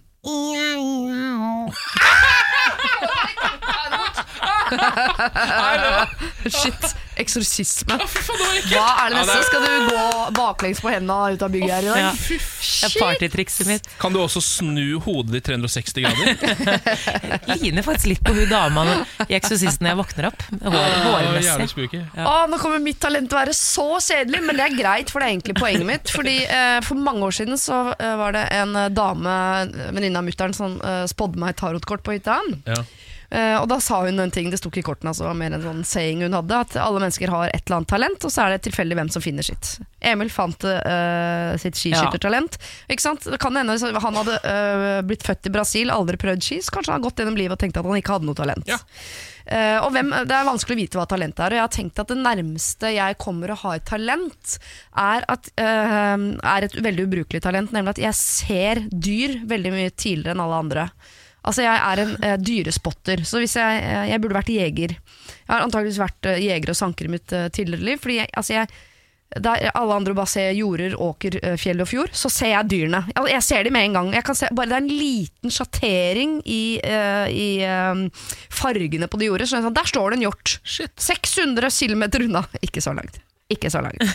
Eh, og så har jeg tenkt, for et ubrukelig talent. Men det er mitt. Så jeg har trykt det til mitt bryst. Det er mitt talent. Jeg har i hvert fall funnet det. Det er mer enn mange kan si. Men så viser det at jeg har et talent som eh, står i stil, som gjør at eh, jeg nå har to talenter som til sammen, selv om de er kjedelige hver for seg, kan bli en mulig karrierevei. Uh, fordi jeg har fått nå ved to anledninger det siste året påpekt av profesjonelle at jeg er altså et kjempetalent innen å flå dyr. Ja, Det overrasker meg ikke. Nei, eh, altså jeg, fikk, jeg har vært med på noe som heter Latterlig smart på NRK. Hvor jeg blant annet måtte flå en hjort. Jeg måtte også eller obdusere hjorten. Men da, da får jeg altså påpekt hvor utro Og da har jeg aldri flådd et dyr før. Det var første gang i mitt liv jeg flådde et dyr. Og da fikk jeg altså eh, Da snakket jeg om hvor eksepsjonelt god jeg er til å flå dyr. Og jeg merket selv at kniven lå lett i hånda. Det, altså det falt meg veldig naturlig Ja. å flå et dyr. det er et visst mønster i talentene dine her. Ja, det er det. Altså, så jeg, øh, jeg er jo holdt på å si født i feil kropp, jeg er i hvert fall født i feil tid. Jeg burde jo øh, løpt rundt i lendeklede og, og funnet dyr, øh, felt dem og flådd dem. Ja. Men du, det er fortsatt ikke for sent. Du kan, du kan droppe eller med det greiene du holder på med, og så heller flytte Flytte ut i skauen ja, og bli eh, full on uh, Ja, jeger. For jeg ser, det, jeg ser det for meg. Og du er jo også veldig flink, du er veldig handy. eh, Du, du kan veldig, men du liker også egentlig sånn praktisk arbeid. Jeg har kun bygd meg en hule, jeg. Det er ikke noe tvil om det. Nei. Ikke spesielt skuldre heller, tror jeg. Nei. Men det var gøy at jeg en alder, altså ganske godt opp, snart halvveis i livet, vil jeg anta, har endelig funnet talentene mine. Og til, selv om det høres ubrukelig ut, så er det jo på en måte eh, Det er jeg og Will Smith som overlever hvis jorda går under. Det er måter, sant, liksom. men det er jo også på en måte litt eh, Uten at jeg skal eh, gjøre dette her veldig trist nå, så er det jo bitte lite grann uh, kjipt at du på en måte Du har funnet ditt talent kanskje litt grann for sent, som du Ja. sier, midt i livet. Og så viser det seg at talentet ditt på en måte tilhører også 200 år tilbake. Ja, det er sant. Um, så det, Men det hadde vært skumlere om jeg var åtte år gammel jente som viste seg å være helt rå til å fange og flå dyr. Da hadde blitt, det hadde blitt som Samantha skummelt. Da kunne vi starta firma. Det hadde blitt seriemorderskummelt, egentlig. Absolutt. Ja. Eh, nå har de altså oppdaga et eh, jukseband eh, i England. Et band som heter Threaten. Ja! Threaten, Threaten. Ja, lese. Har du lest den saken? Ja, så vidt. De er liksom LA-basert, dette bandet. Eh, har sykt mange følgere på eh, Instagram og Facebook og alle mulige sånne sosiale medier. Eh, og har da booka seg inn på en hel rekke konsertsteder eh, i Storbritannia. Det viser seg at bandet eh, Altså, det er ikke et band. Det fins ikke. Hæ? Det er bare rør, det greiene her. Ja. Um, de har, det er et band som Så de dukka jo ikke opp på, måte, på konsertene sine eller noe sånt nå heller.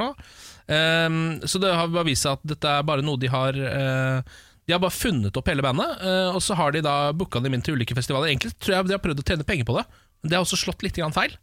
Jo, men De har jo forhåndsbetalt for de konsertlokalene de har leid, og sånn Så det må jo Ja. være noen som sitter på noen på midler, eller Ja. eh, Ja, det er akkurat det. Det er det verste at de, bandene bandet, har selv på en måte Altså har betalt ting. Ja. De har casha ut penger til ulike konsertsteder som en sånn lite sånn Ok, men uh, da regner vi med at dere kommer, på Ja, måte. litt sånn depositum Litt så slags depositum. Ja. Um, så det, er, det er veldig rart, hele de greiene her. Men um, Men alle de som følger dem på Instagram, hvorfor følger man et band på Instagram hvis Nei. ikke man har hørt noe av musikken? Altså, man følger jo først på Spotify, dernest ja. Men det er kanskje det, det sier jo uh, kjempemye Det sier jo på en måte om samfunnet. Uh, Fordi Ja. altså, sånn, Dette her gjelder jo ikke bare musikk, egentlig.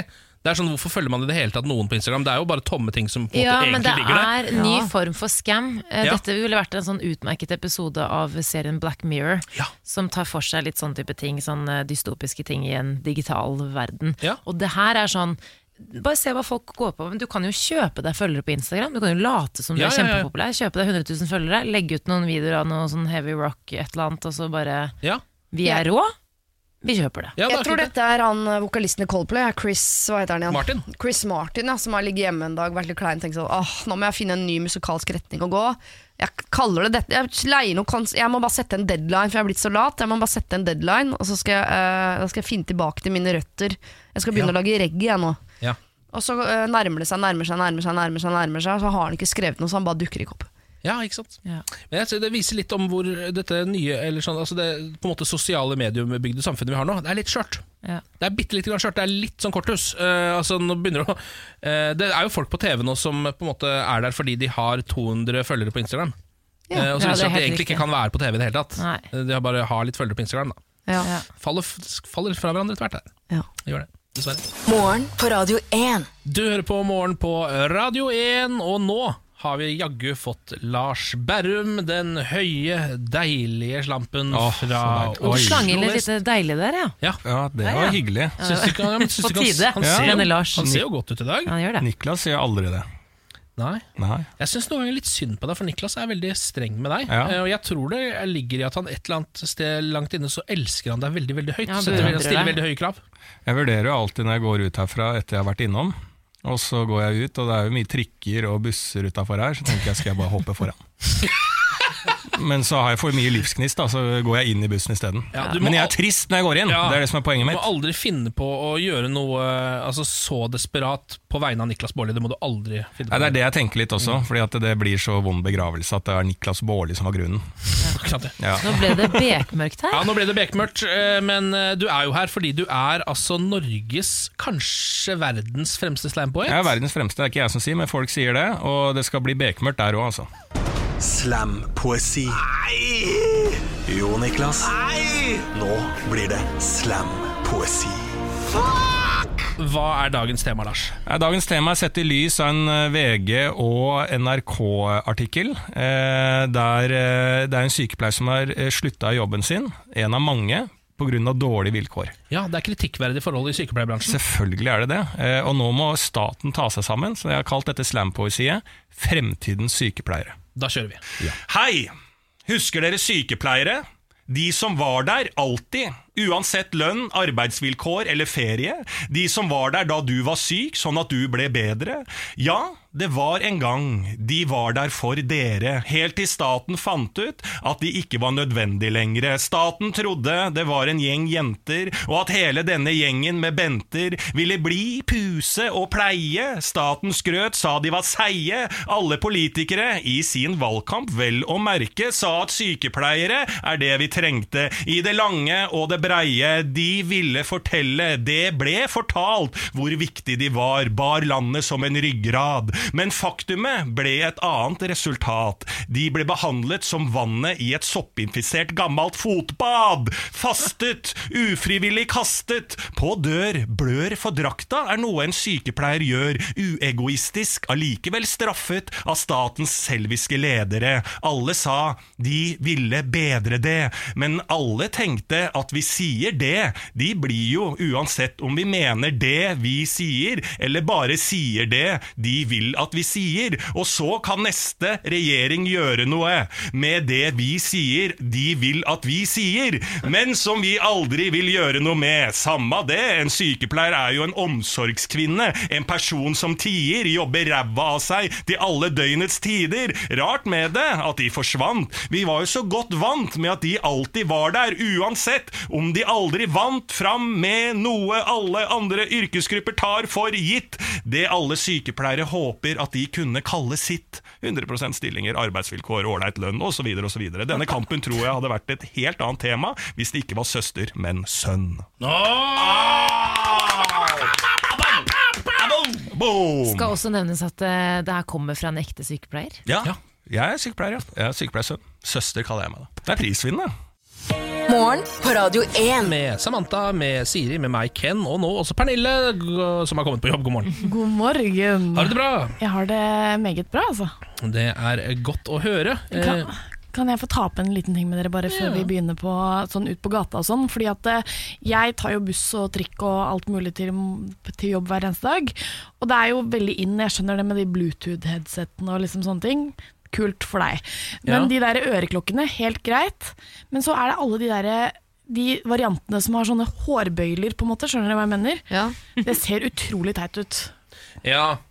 Hvorfor skal man ha, Er ikke det sånn til å løpe? Hvorfor skal man ha det når man sitter på bussen på morgenen? liksom? ja, jeg mener at de egentlig er til eh, veldig viktige foredrag. Føler jeg, hvis du skjønner. Da kan man Ja, ja. ha sånne. Ja. Eh, eller hvis man er, eventuelt er pilot. Eh, eller Britney Spears. Hvis ikke, så er jeg litt imot dem. Ja. Playback-dronningen Britney Spears. Ja, Ja, og Britney. Bøyla, liksom. Den, den er grei, på en måte. Ja. Det kan være økonomisk da, at du har kjøpt den til å trene med, og så har du ikke råd til én som du bruker på uh, til og fra jobb, Ja. en du bruker på tre, at du på en måte måtte gå for ett, liksom. Kanskje det ikke ble så mye trening engang. Så Det det, er på en måte bare blitt uh, hodetelefonene dine. Men Ja, ja. finnes det ikke Kommer ikke alle telefoner i 2018 med headset? Når du kjøper de? Jo, men Jo, det er sånn å plugge inn i øra det, Jeg har for små ører til det, for vondt. Har du for små øreganger for vanlige Ja, De detter ut, og så får jeg vondt. Ja. Det er fysisk, eh, altså det er ikke smerte så mye. 'herregud, gi meg narkose', men det er ikke behagelig bare. Det er ikke behagelig. Ja, men det er ikke, for det er ikke nødvendigvis sånne små, små jeg har et problemet. Det er de der som er utrolig sånn derre De som har sånn derre øreforma som du liksom putter inn, og så er, ligger det en sånn bøyle bak hodet. Ja, ja. Ja. De er Som en sånn tannregulering Utrolig, ja, Sånn utrolig teit. Ja. Ja. Nei, men altså, Hvis du har ballene til å gå med de, så kjør på, tenker jeg. Uh, det, folk syns det ser litt rart ut, uh, men alt som var handsfree så veldig rart ut i starten. Da for folk trodde folk gikk og snakka med seg sjæl. Inni meg. Ja, vi blir vel vant til alt sammen. Det, sparkesykkel og sånn trendy sekk, da er vi der. Da leverer du. par raske briller der, så Yes. da er du der. Da er du på toppen av samfunnet et eller annet sted. Uh, men Pernille, du er jo altså vår ute på gata-reporter som tar pulsen på det norske folk og deres meninger. Stemmer det, stemmer det. I går snakket vi jo om det her med, med skjermtid, det med mobilbruk. Mm. Jeg blir uh, irritert når folk bruker mobilen uh, for mye, inkludert meg sjøl, da. Jeg har jo en uh, vei å gå.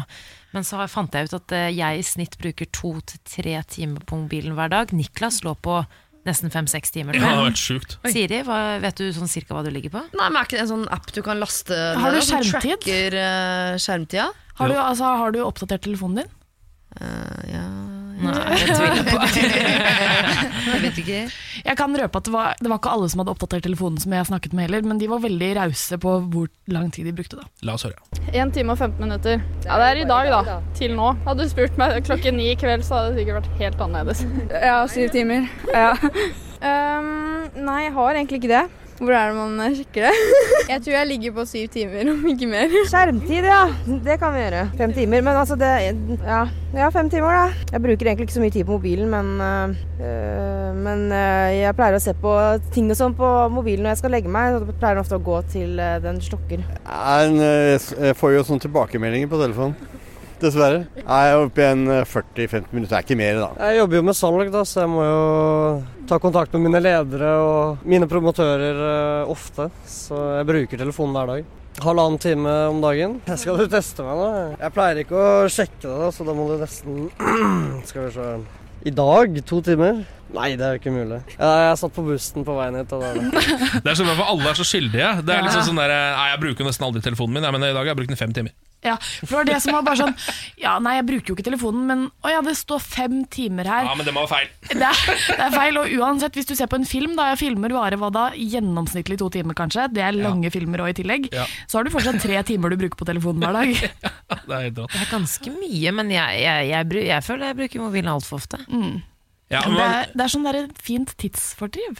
Ja, men det her viser jo på en måte Fordi det vi gjør, er å bruke den uten at vi tenker på det. Jeg tror ikke vi tenker på at vi tar opp telefonen engang. Det er bare liksom en del av Det er som å kikke på klokka eller uh, ta en titt på, på busstabellen. på en måte Det er bare noe vi gjør, så registrerer vi ikke at vi gjør det engang. Sånn som Niklas som snakket om at han hadde brukt ni timer på Instagram på en uke, liksom. Ja. Det, er, eh, det er ganske godt jobba. Da har han ikke lagt ut noe selv heller. Nei. Det er jo rart å skulle erstatte teknologi med mer teknologi, men jeg mener at jeg har eh, løsningen på det der i mitt Ja. liv, og det er eh, å få seg Apple Watch. Jeg er ikke sponsa, altså, bare så det er sagt.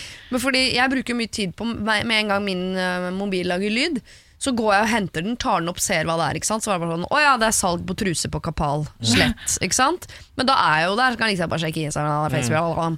Men hvis jeg kunne hatt på uh, bare på Apple Watch hadde kommet opp sånn salg på truser på Kapal, så trenger jeg ikke å gå og hente telefonen. Det er godt poeng. Ikke sant? Det er- Og barna får ikke med seg at jeg er innom telefonen hele tiden, for jeg kan bare flippe armen litt ned, gløtte Ja. et lite sekund, så er det sånn Salg truser er ikke så farlig. Jeg later som jeg er med i denne middagen vi nå har. Mhm. Særdeles eh, godt, eh, godt eh, tips. Men dere, det er jo, vi er på 14. november, altså vi er halvveis ute i november, og jeg kjenner at det begynner å brenne på dass, fordi jeg har ikke begynt å tenke på julegaver i det hele tatt. Har det, når er det dere pleier å kjøpe julegaver? Nei, vi, vi, vi snakket faktisk litt om det på, på mandag òg, fordi jeg, jeg søkte tips til å kjøpe julegave til Emil. Fordi rundt juletider da kommer jeg til å være ganske så høygravid. Mm. Orker ikke. Jeg pleier alltid å kjøpe på lille, lille julaften Mm. eller på julaften. Ja. Apple Watch, sier jeg. For da kan man bruke bare tid på sønnen deres. Og så syns jeg kvinner skal bli flinkere til å kjøpe julegaver til menn som er til husholdningen. Fordi jeg er sånn som kan ønske- meg sånn Hva med en nydelig fat til spisebordet? Kan jeg ønske meg Det går rett inn i husholdningen, så skal han ha sånn nye treningstights. Sånn. Det gagner jo ikke meg. Det var ett år, det var ett år mammaen min ønsket seg sånne Marimekko Marimekko eh, fra alle. Og da fikk også pappa Marimekko dessertskåler fra alle. Og det syns jeg er veldig gøy. Det er bare seks uker til jul, så det er greit å begynne å tenke på Ja, det. men jeg har litt lyst til å gå ut og spørre folk om de har begynt på julegaver, og når de eventuelt pleier å gjøre det. Fordi det letter kanskje på min samvittighet. Ta julegavepulsen på det norske folk til i morgen. Morgen på Radio 1. Hverdager fra seks. Her i Radio 1-studio sitter da meg, Kenna Synes Nilsen, Samantha og Siri her også. Og så har Mats også kommet inn. God morgen, Mats. Hei, hei. Riktig god morgen til dere. Du er jo den som tar over spaker og mikrofon etter at vi går av her klokka ti nå i dag. Uh, nei, jeg tar ikke over spaker. Jeg tar over, eh, jeg tar over Instagrammen til Radio 1. Og så tar jeg over spakene klokka to. Ja, riktig Stemmer. Jeg pleier å ha jeg har- jeg han stemmen som er på ettermiddagen på Radio 1. Ja. Hei, stemmen på ettermiddagen på Radio 1. Hyggelig, hyggelig å få et bilde på meg. Du har, men du har, du har satt i gang et uh, prosjekt. Det stemmer. Mandag så fant jeg ut at det var blitt forbanna mørkt ute. Både når jeg står opp og når jeg går og legger meg. Mm. Og så snakket jeg litt med lytterne mine, og så fant jeg ut at uh, det handler jo egentlig om innstillingen til livet. Mm. Og det å på en måte uh, si ja til livet. Altså Yes Man, Jim Carrey. Ja. Er dere med? Ja. Ja, ja, ja. Og Derfor så har jeg da startet et prosjekt i dag hvor jeg da skal la Radio 1-lytterne bestemme over meg en hel dag. Jeg skal Ja. altså si ja til Radio 1-lytteren, Mhm. og så skal dere da altså fjernstyre meg resten av dagen. Du skal være en slags yes-man, ja. Ja, rett og slett for, i håp om at jeg da på en måte skal la eh, At lytterne vet bedre enn meg da, egentlig Ja. På hvordan da å takle at det bare blir mørkere og mørkere og mørkere Og litt grann smalere å leve Sånn frem til våren kommer Riktig. Eh, vi har tenkt at vi kan på en måte st- gi deg det første veivalget ditt. Ja, dere har det, selvfølgelig Mm, ja. Og det er jo veldig trist. Tusen takk, du hadde Ja, med muffins til oss her i dag. muffins, ja. Det burde du visst før vi eh, satte opp dette valget. Og, og jeg visste jo heller ikke at du er en, nyklipt, kommer nesten rett fra frisøren. Ja, Eh, For det kan hende at det skal vise seg å være fånyttes, da et av alternativene er Siri at du må barbere sånn hanekam. Ja. En tynn mohawk tenker vi er alternativet. britisk mohawk. Deilig britisk mohawk Ja. Åh, Jeg visste jeg skulle sagt nei til dette Det prosjektet kler, en- det er, jeg har fortsatt ikke sett noen som kler det. Eh, så det er jo et spennende alternativ. Ja. Eh, alternativ to har vi rett og slett tenkt at er eh, at du har sendingen din som du skal ha nå, Mm. eh, i baris. Det er alternativ to. Og det er litt sånn, altså Vi vet jo at du sitter jo bare helt alene, så det er jo ikke noe sånn Det er på en måte ikke å være på nudiststranda, du sitter jo her bare helt alene, men for alle som går forbi i Det vil vinduene her lysne en hver kollegas dag, tror jeg. Pluss at det er nesten enda mer nedrig når man sitter helt alene i et rom. For det, Ja. blir, det er så meningsløst og, og nedverdigende. Det, altså, det syns jeg er, det er bare gøy å tenke på. Altså En ting jeg liker med at det er vinter og kaldt ute, vinter og kaldt ute er at jeg kan ha på meg klær. Jeg er jo ekstremt ukomfortabel i bars, nemlig. Det er også ganske kaldt i studio. Ja, det er aircondition på fullt her. det er en ufko. Og så er det også, jeg synes det er litt deilig å tenke på For dem som ikke vet det, så fra dette studioet vi sender Vi sender på en måte fra samme bygg som Det er ikke bare Radio 1 som er her Det er også Radio Norge og Radio Rock og flere andre radiokanaler Som ikke vet noe om dette prosjektet Nei. Så når de går forbi gangen der Så ser de Hva hva er idioten der som sitter bar overkropp og sender? Er- Men du kan ikke Han eh, høres så hyggelig ut på radio, han er jo klin gæren. Her sitter vi og gomler i oss muffins som Mats har lagd til oss, men det er greit. Eh, kan, ikke, kan ikke Mats få lov til, hvert fall, hvis han velger en alternativ, låne din hettegenser, Ken, så han kan sitte med baris og i hvert fall hettegenser? Ja, ja, ja, ja, ja. Skal vi skal enda rarere ut, sånn. Naken, men med klær på. Det går ikke. Det Altså, gir ikke noe mening. nei. Ok, nei, men Det er veldig to gode veldig forslag. Det Ja. legges nå ut på Insta-stories. Da er det opp til dere der hjemme da egentlig å eh, trykke inn og egentlig avgjøre for min, meg da om skjebnen blir altså da Takk til deg, Siri. Altså En mohawk oppå huet her som kommer til å se helt jævlig ut. Eller da at jeg skal sitte i baris eh, resten av etter, altså ettermiddagssendinga mi. Ja. Og Det skjer alt sammen inne på Instastory til radio1.no. Da klikker du deg inn, følger med, trykker og stemmer. Kom også gjerne med forslag hvis du har noe tilbud til hva jeg burde finne på i løpet av en litt grå onsdag. Noe litt hyggeligere. Ja, gjerne litt hyggeligere. Ja, det setter jeg veldig pris på. Da skal vi gomle i oss muffinsa vi fikk av deg, Mats. Det var veldig, veldig hyggelig. Så får du eh, ha en eh, god dag videre. Lykke til med dette prosjektet. Ja, takk for Det er jo i hvert fall en god start, dette her. Morgen på Radio 1. Hverdager fra seks. Er vi eh, bare raskt innom her. Eh, det er meg, Ken Vasenus Nilsen, som er innom akkurat nå. Eh, Siri er her også. Samantha. Samantha Skogran. Ja. Bare si fra om at nå er podkasten over. Ja. Er det noen som har noe å tilføye? Nei, Jeg hadde lyst til å si det på tysk, men så kom jeg på Å, gjør kan, det? Nei, men jeg kan jo ikke det på tysk. Men kan du noe på et annet språk, da? It's over. Ah, Det kan jeg. Jeg kan ok. ikke C'est fini. Ja, det er fint. S- øh, finale. Finale! Finito. Uh, finito. Finito, ja. ja, men, Ja. du, Ken, du er Fin. har litt språkøre. Kom igjen. ja men jeg, jeg bare prøvde nå å tenke på hva som er over på tysk, men så uh, kom jeg ikke Hva, hva er det på som står på motorveien, da? Når du skal av? Eller er det Uber? Uber er jo på en måte over, men det er over som i altså, Skjønner du hva jeg mener? Som i at Ja, noe ligger over. over noe annet. Ja, Ellers kan man si altså, 'kom deg ut', på en måte. Raus! Ja, heraus! Ja. Ja, det var hyggelig. funker, det. Det var en god avslutning, syns jeg. En, en gang til, og så sier vi takk for oss. Raus! Nå er vi ferdig. Ha det.